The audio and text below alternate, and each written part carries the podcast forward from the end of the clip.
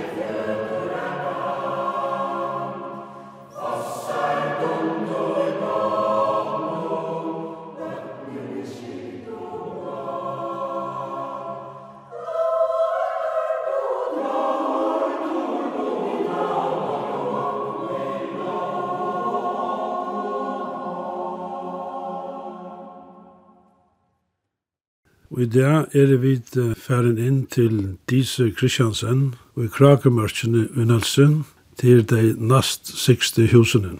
Vi har lagt noe merke seg at du har vært at YouTube i Heiland i senestene. Hvordan blir det til? Jeg helt at det var et almyntlig køksprat, men jeg hadde enda i vuja. Og det er det med som heter Mike og Sjord-Afrika, vil det gjøre en opptøk. Ja Og så satt vi i bordet og pratet om mm. løsens virkskifter. Og hatt kom på skjort. Og hva var det han ville ha det å si? Jeg fikk ta frakt si at jeg slapp å si at det som jeg ville. Og vi tog seg om at flere følelsene som kom så sier jeg at vi er ikke så imisk. Ta i avtattene så er vi et loik, og han sier om vi kommer ur Sjur-Afrika, Australien, et eller annet Kanada, det er ikke mån, og Russland. Er man kaldur, så vil man heva hita, og er man svenkur, så vil man heva mæt. Og til nek som kom her, som heva karm. Til dømes, bare for å nevne omkran urikfunne, Tvær unger russar var farnir ut av båren enn det. Tar du ikke med til ungus vekse, hotta isar her, Så tar vi rundt og tjoater og kalter. Og jeg hittet der, jeg minnes det ikke akkurat hver, de har vært her utenfor et eller annet bare benka på. Men det var viktig å ta imen, å få torr klæger, og å få okst et, okst å drekke. Og så er det ikke at nekvån som kommer her, ta i det ikke er oppe nekra steg. Du sagt nekv færa folk her? Her kommer sere nekv færa folk. Alt alla möjliga stäger från. Och alla möjliga människor. Det må man säga. Fra Shanghai och Hongkong och, och i skoven i Australien. Fra Chicago og i Sur-Amerika, Ja, ur Sydafrika. Det är tvärfer. Og en kona som kom, hun ville fære en affær og så ikke uisbjattner åren det var ute i her. Hun får så til Svalbard og Grønland, Osland, og kom så omvis førjer til hun skulle til Nastringar i London. Åren hun får atter og en hus. Det var en leier det, og henne konan stender inne i heimavirkshandelen.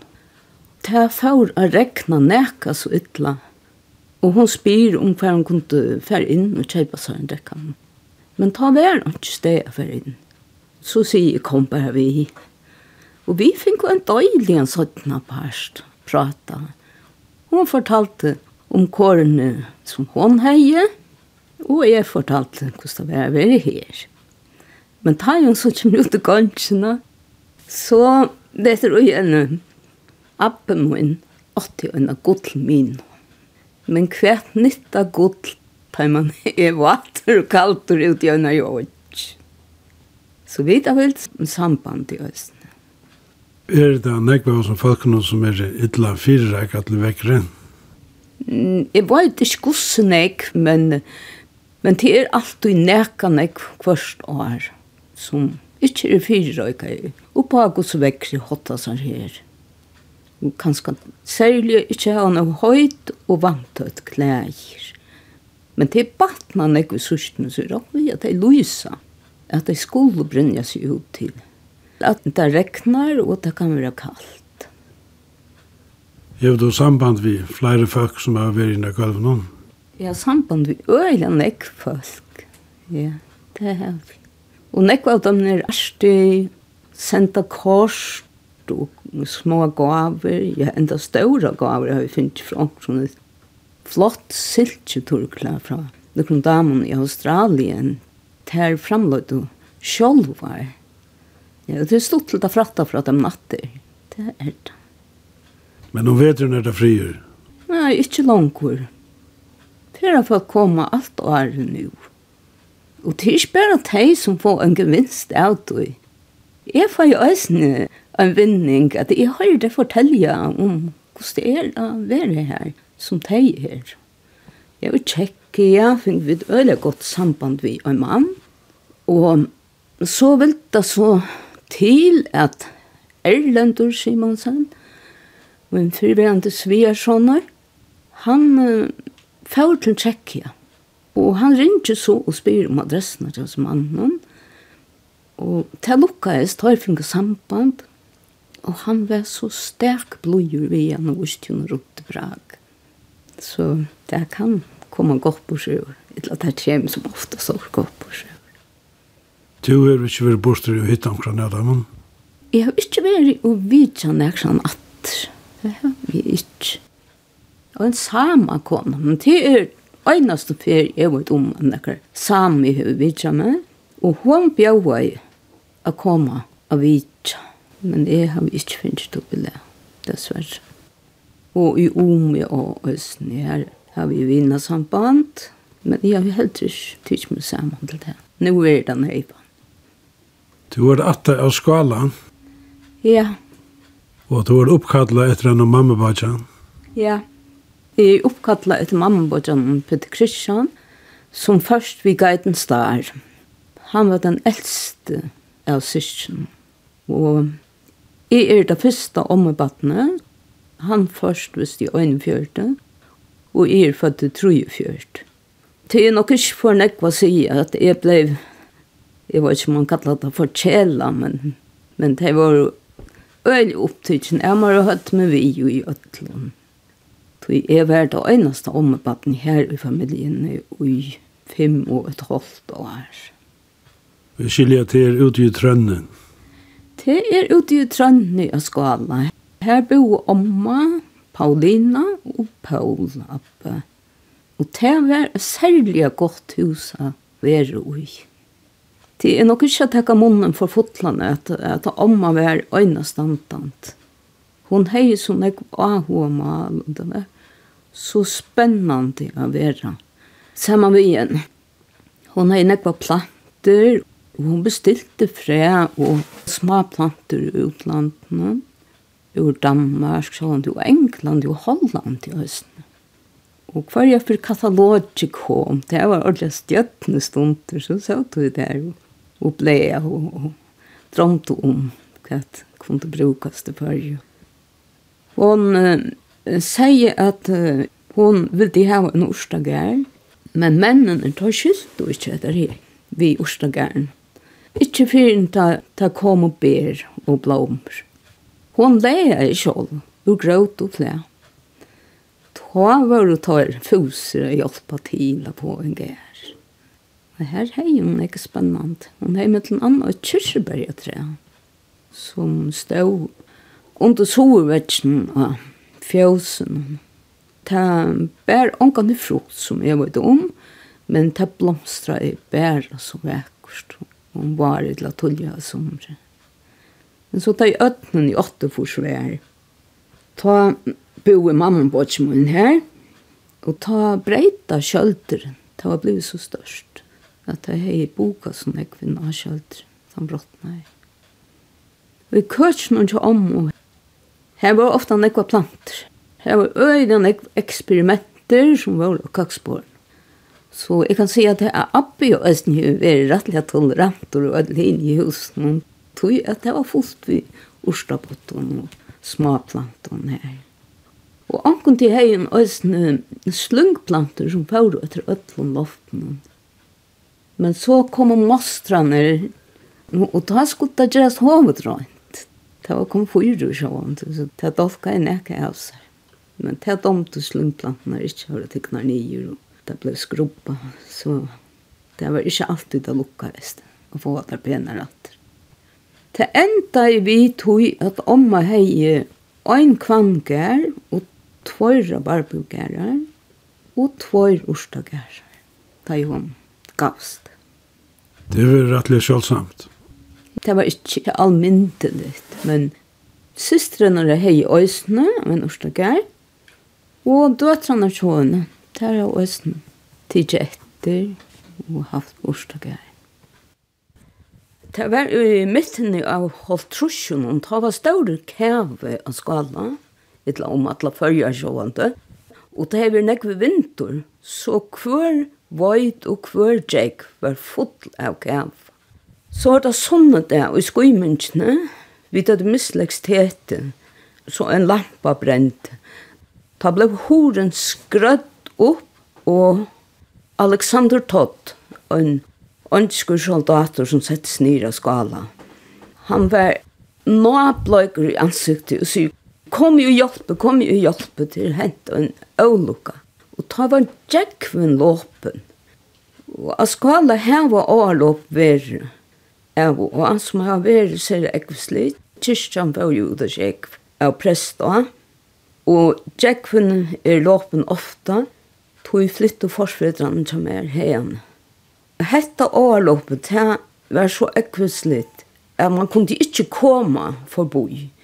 Så ungen visste hvordan det er var støtt fyrir en flore timer at nå. Og skolen får så ytla. Det får bort om man av skolan, og alt innbyggvi i skolan var krost saman. Og så som jeg så ikke fyrir meg, så var krepi nastan i sittlan her, ta man endelig slapp forbi etter.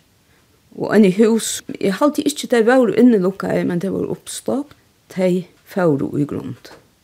Og folk var avskåren, tog at det var sånn ikke vatten. Og isor, så omkring stod og råpte om hjelp på en trapp.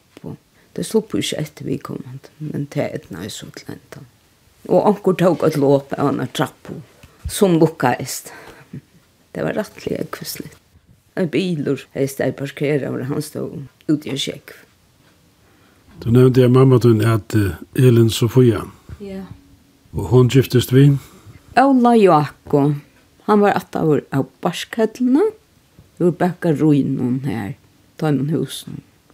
Og først er min så var uh, bakka rui uthattlaren Til åren halsefrøyslige, så kikven stod i utnøringshjørnet nå, og så var et øyelig snakt og nostlet nåtthus i landringshjørnet nå, og bäckaroi var så ut i sonar av helten. Ovnaren var oppmuraver, og han er til enn, og han stod i usning. Og sjalt bäckaroi her som det ble bäka, det ble eld i sånn stauron, tre tråvon. Det var jo øyla strav arbeid. Hvis jeg skal si hva det ble bäka, så var det sjåvande brei, og tesnitter og tjoårskaker. Tesnitter, det var så et galoppkringlig dodge vi flårsukker om man var.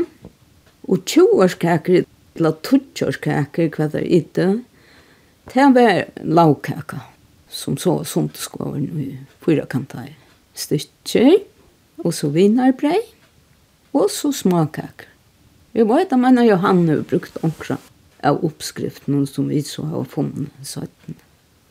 Den som började i detta bägare Det var Johan Fredrik. Han uh, blev sendt ur uh, Sodelbox att lära handelskap.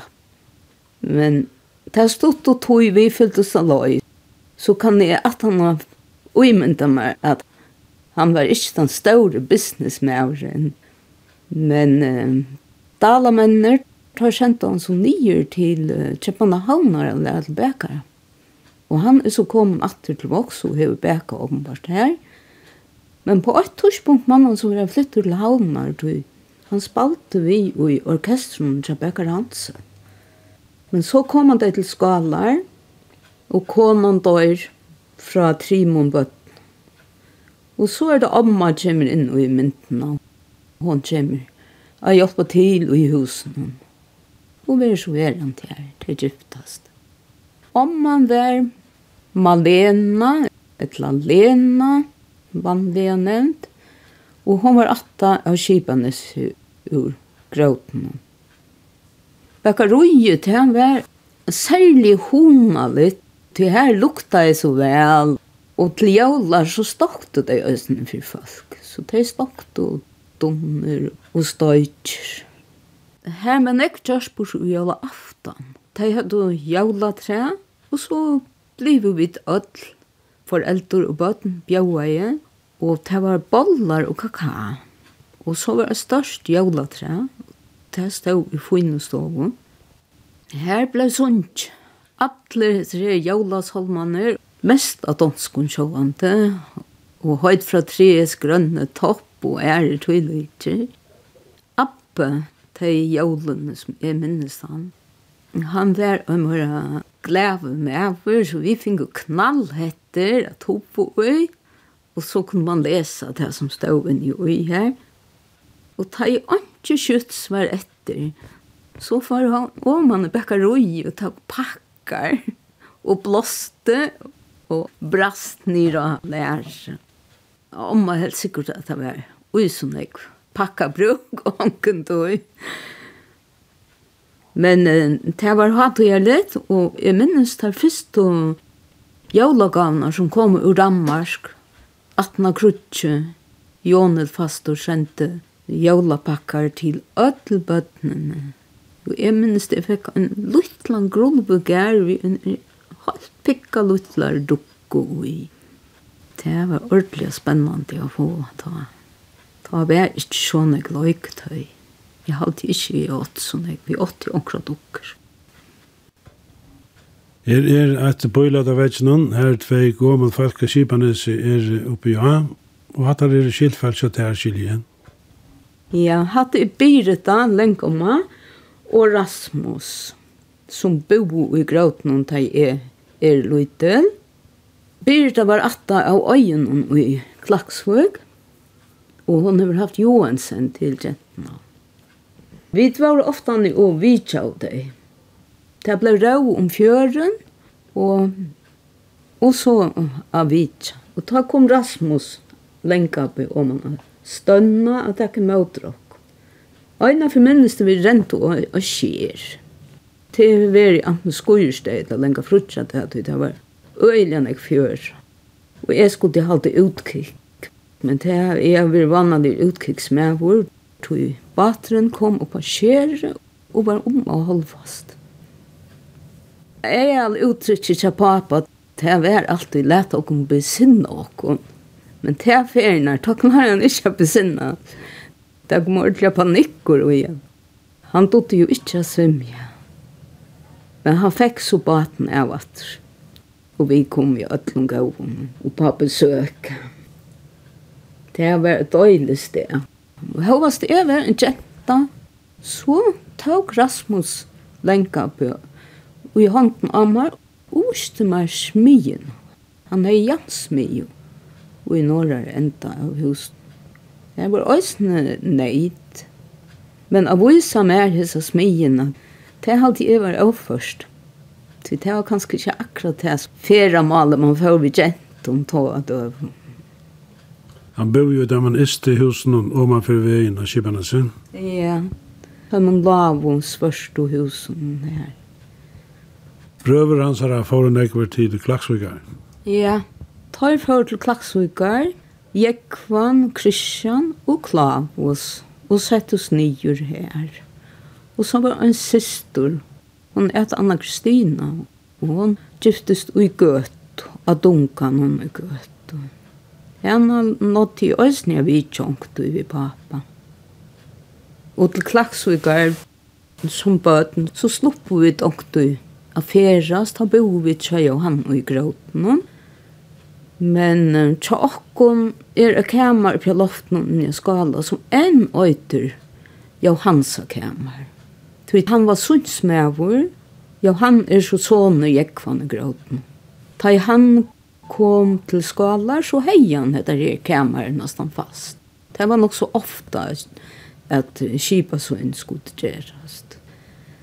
Men til högt och gjort at kipene kom og det var näck for att de som Og Och tar kom så på besök. stått litt halde jeg 18 år, og avhåverst vært at jeg frimot kom. Tog han er vi interneret rundt grunnen. Og så snakka og pappa og han om dette her. Hvordan det er det Jeg vet ikke om, om, om jeg skal trykva min egna minne, men jeg halte han sier, han vi er 126 pund, da er han slapp i fransi atter. Og han var en stor prøve med av. Så han var ordentlig uthungra avur. Pappa, din er Ola Jakob. Ja. Hva gjør de han?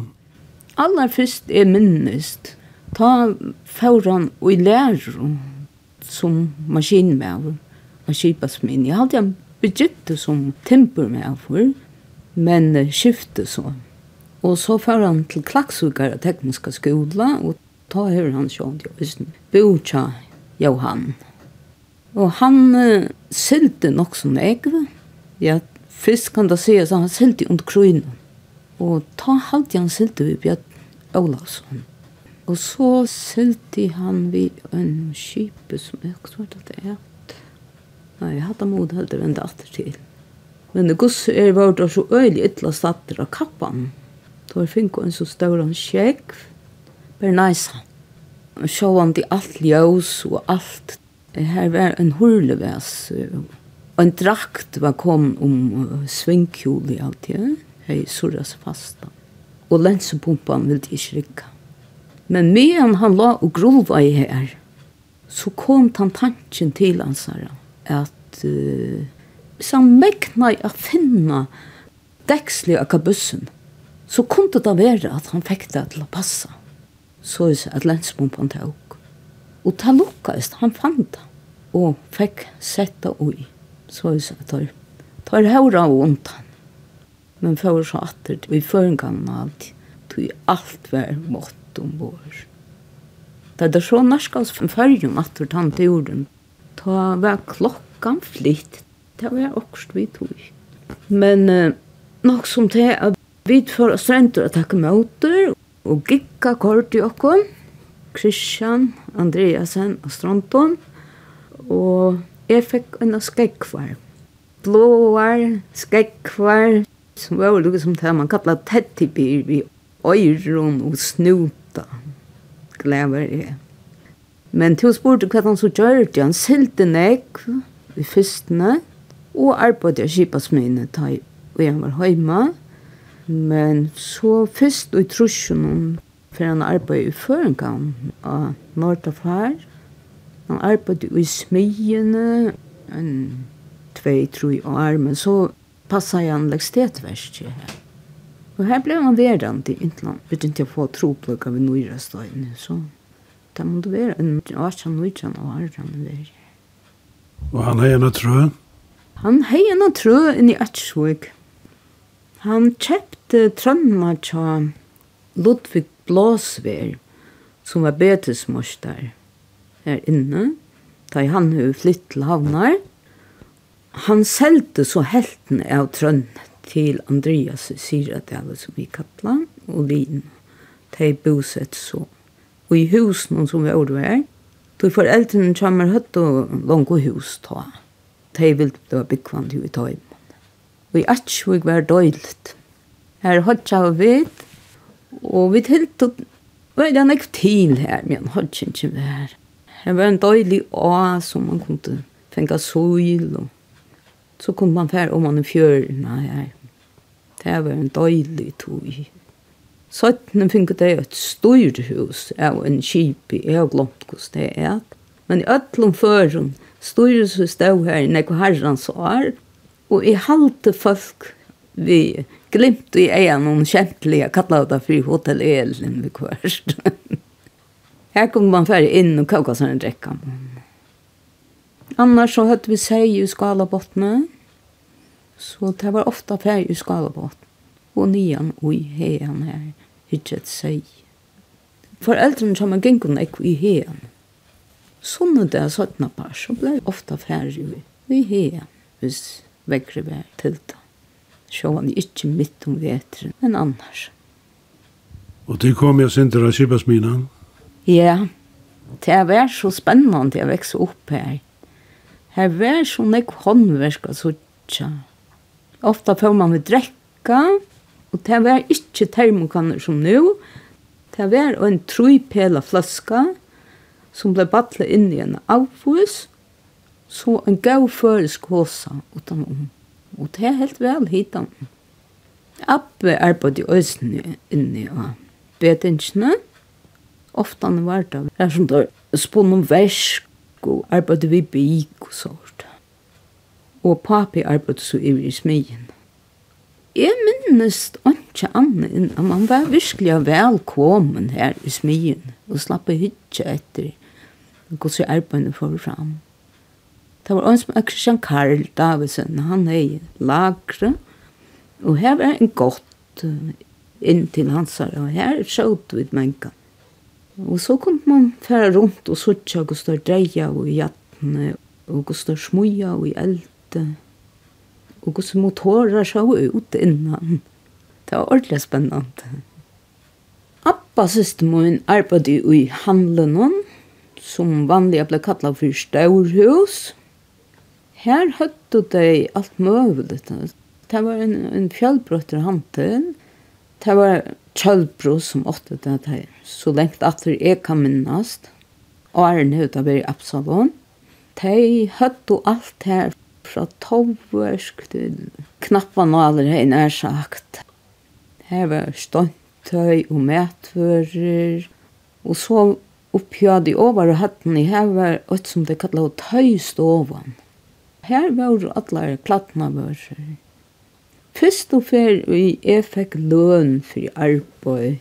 til jeg var fremme undan jævlen. Jeg har arbeidt vi tvøst man skulle skjere søymene på seg og i panner, og silt i øsene ver i åren halvt. Nok som til at lønnen til var anten 11 kroner og 13 ører, eller 13 kroner og 11 ører. Det er ikke helt vis og i det. Men fyrt her kunne jeg kjøpe jólagaver av tøystovene til foreldrene og syskjene. Ta hevet det bare være Jorun, systemoren, og Paul. Jeg fikk en botja i desember i 46, men han levde ekvile stort. Pappa kommer inn vid kistene, vi minns om det var trøntur som selte ta, og jeg har så vært i møtrånum, og så færa vi til okkara, og kistan vi sett av det som vi kallar tjaldorspår. Det var et bår vi glasplate vi en tjaldru som var mala. Han hei med vi i ödlom. Elsa Abba systes heima i lukverina til etter lutla battene og pynta i det og, og de løtte det til rattes i kistene.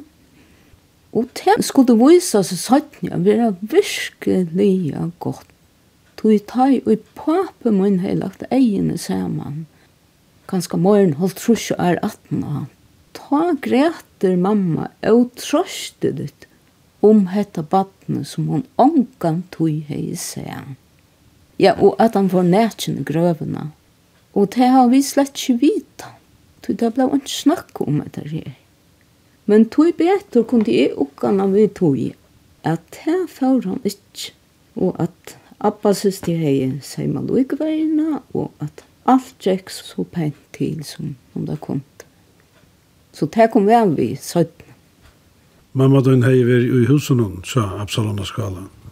Ja, mamma hei tantja Absalon, og i nek var, jeg vet ikke gussen jeg var. Men ta i hon tå seg om det, så var det vi vidring, og hun var øyla gau i det. Men mynd av Absalom hekk og bjør ikke noen tjåkom. Men merskjel nok, jeg var ønsken av Inko. Mamma er så flytt i søgn i hus, og synder at hun er født, og hun fær vissar fra tøymon, tvær støvlar og ein kåparkjettel. Kåparkjettelen var den kjettelen som arbeidsmennene hadde kåka seg drekka ui. Og den øyne støvleren var Han ble kallet for støvleren til gamle Ingo. Så han er hånd og kom vi. Det var en ordentlig gammel støvler. Jeg hadde nesten en trenerklær. Men hin, han kunde gått for kjøpter nå i Strasetre. Og hun har trivet stek vel her. Det er alt jeg kan si. Eina fyr stått er en Absalon døyr, så skriver han brev til mamma og takkar fyrir tøyen. Han dør bare holdt stort at nå at dette brevet er skrivet. Her var nek for aktiviteter i husen hun tjatøymon ta. Han har åtte kipas mina. Her kom nek folk. Mittlen amma var en silverpentja alltid. Han hei hon finnje fra kron. Og i drikkjepenken som hei veri her, som hon hei servera fyrir. Hon pladde å si at uh, onken tog var sånn like sylta arbeid, at det er arbeid og sylta øysen i kvøtjen til Absalon. Arbeidskålen, der. Jeg halte i øyn ånder arbeidskålen jeg var samtidig som mamma. Hun at Lisa, og var ufunnet. Og mamma til Marius Rasmussen Lakna. Så det har kanskje haft fær arbeidskålen i kvøtjen. Det henter sjåvande sorg og glede kvørst om annan, men soneren satt om han døyr og i best og er. Og etter sitt kona og tver jetter, Anna og Inga. Og så fer uh, virkje. Da klarer det akkurat ikke. Og han tøyner vente. Så da mister alt. Det må ha vært sort, sa han. Vi platt av vitja Ingo. Men så var det Absalom minnes det ikke. Så han er deir, ta jeg har i holdt løyte, til han omtaler meg som den lille og i breven.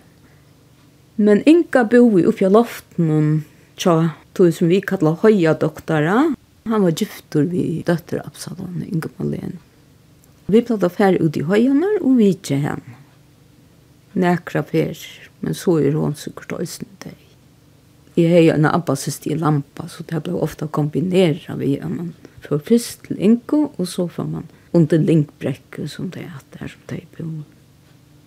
Anker lærere bo ikke Amatun og Amatun? Ja, læreren til var Johan, Johannesen. Og da han kom til skala, så var han bo av barskøtlene. Her var et kamer nere i ungdom som nå er beivel, som han har haft, Men søttene så blir han bygder oss for meg.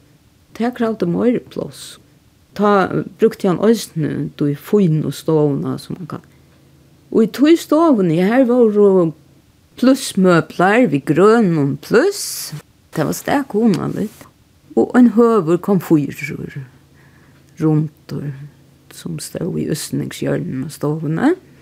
Ja, han er så færre nyer at lese okkurs vujar Jeg umynte meg at det er ganske dangst og litteraturer, men da han kommer atter, så hever han en gav vi til om. Og det er et kinesisk stel, eller det er nok japanskt, i virkeligheten, Og det stender her til meg enn. Da er akkur at hun familien kommer på besøk, så kommer de få en drekka man hun. Da er noe annars bruker det ikke, så Jeg er nok så eim om det. Jeg vet ikke hva de besluttet her.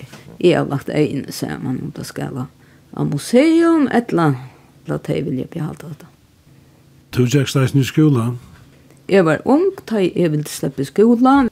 Jeg vet at du spalt skolen, og jeg helt av det var så spennende. Så jeg får hjem og spurte om jeg kunne slippe skolen. Jeg halte det var pappa som sier at du må få spørre læreren Og vi får så og benka på. Og jeg spurte om jeg kunne slippe skole. Jo, det var gammel og. Og så skulle jeg fylltast vi Anna, som vi kallar Anne Frita. Anna var døtte fast med Marianne. Anna er gift vi Åtne Ålafsson. Det ble så avgjort at vi skulle fylltast deg etter, og jeg får i mitt klassen. Det var bare trutsk klasser. Jeg råkner vi av læreren helt til jeg hette for ikke tog meg lunsje.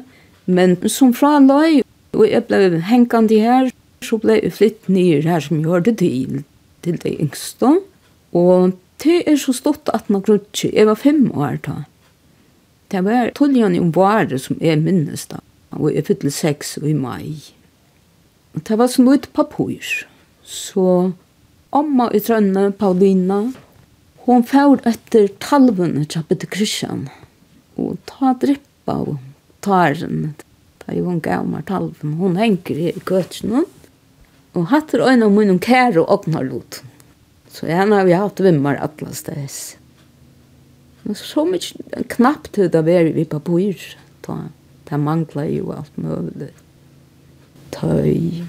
Jeg minnes en hos kvassar buksene var de hadde finnet tøy til tvinna bukser, og en av brunar og en av grønner. Det var øyelig kvast. Det var sånn hår som stunk og i. Man har vært nødt til å finne en av låsen for å produsere klæger. Du ble værende i skolan? Jeg ble værende i skolan. Men de ble vel å gå skolan. Jeg har det godt i skolan.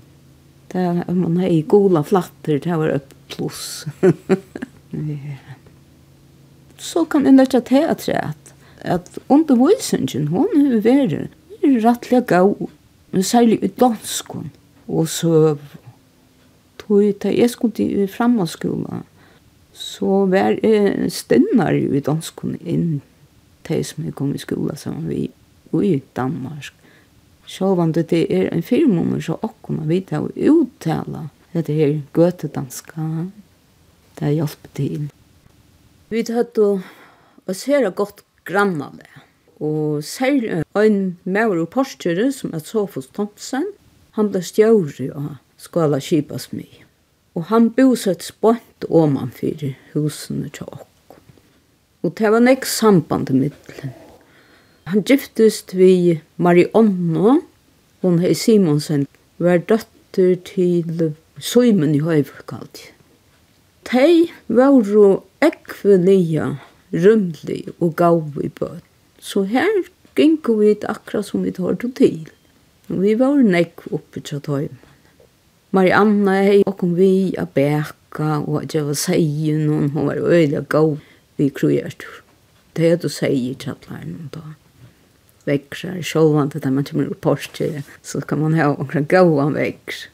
Skåta seg hei han høstene. Og her hadde vi etgang til altså, bøker og taunløk. Man slapp å bruke alt. De hadde en fina gramfon, så man kunne sette en plato og hvis man er i hod til. Og her kom øyne folk. Og anken tog hver onker varsla, og da knuppte kanskje av plosset. Jeg minnes som en tropelaga, hvis jeg var tjallbruk, og han til åkne sova, så var divanen förstått. Så måste stolar sättas på i för att han kom till passa. Ja, det Daniel Niklasen hur då just där nere i åken tog vi. Vi slog på att hjälpa till i Imskon. Tjata man. Og en av forminnelse det var en føyingardagur som var om affære av staplen. Og så skulle Jan Bodje Sofos opp av loftet etter omkring. Tilfæri i husene var vanligt. De var øyla stor og flott. Gulbelegningene var vekkur, og det ble båna så jeg satt av skein. Men sjálfur vetsjener, tannkonstruksjonen, det var asbest, og loften i østen. Og han var avhalsen her oppe av loften, og kom til å trakka ned i jøkkenen, tog at det var ikke halvt ut. Og det var fyllt vi uh, sånn tomtur i middelen, løgn. Så her var et øyelig tomturråk i gansjen, i sørste løte. Og æren alt skulle være på stas. Så vannet de materialer har man haft, at man krutsk. Vi elskar å være oppe til Marianne. Det var ordentlig stortlig. Det heter en hund. Han er kvetting. Og det er navnet i heian, tog at um, kommunen er strendur og skala, for kvør til sutt. Ta i hesen hundren i komun. Tui fekka navn kvetting. Det var gøttur. Han hei en kurv i kvørtsnum. Og sjálf om det var nekk for gester, det skulle dekkas funnet opp, og sødle skulle possast. Så her var nekk for tekas vi i tui hus. De hadde alltid arbeidskåner. Den første som jeg minnes er at Paulina, Og jeg er ikke sikker i om hun var av stranden eller av nes. Det er for meg som hun var av nes. Og så var en som at Elen, hun var av stranden. Og så kom den neste, og hun at Lena, og hun var ur selven til av stranden. De helt og også nek spennende blå, som til dømes London News. Det kom noen som lesa. Og så hette det leksikoner. Det var så nek spennende. Og det danske bløyene kom også. Men de hadde øyelig godt tål vi bøtten. Og bøtten i familien kom og æsne. Og de i ferien er vår, så kom de ur porster, ur klaksvøg og ur havn. Og anker at de var et halvt år til dem så Annika Gård vinkonen som Jeg hadde jo vært et halvt år her inne. Og de klaksvøg strøy i vær, ta kom og flyttar folk til skala. Med den andre minnes til Karen Kjølbro som smartjenta.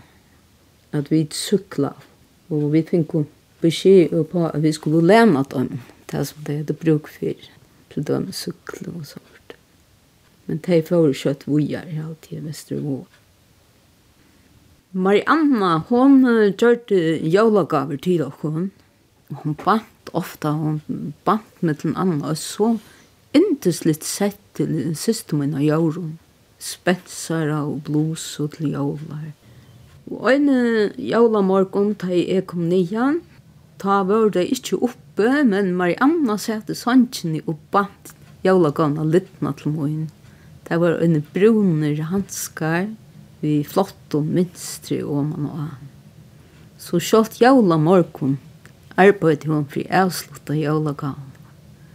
Tog verre var jeg for å skrøya og utom øynenfor og tøvde der. Da var mamma ikke så blod da jeg kom at det var tøvde på en klett. Marianna døy i september måned og i troje trus. Hun fikk krabba meg.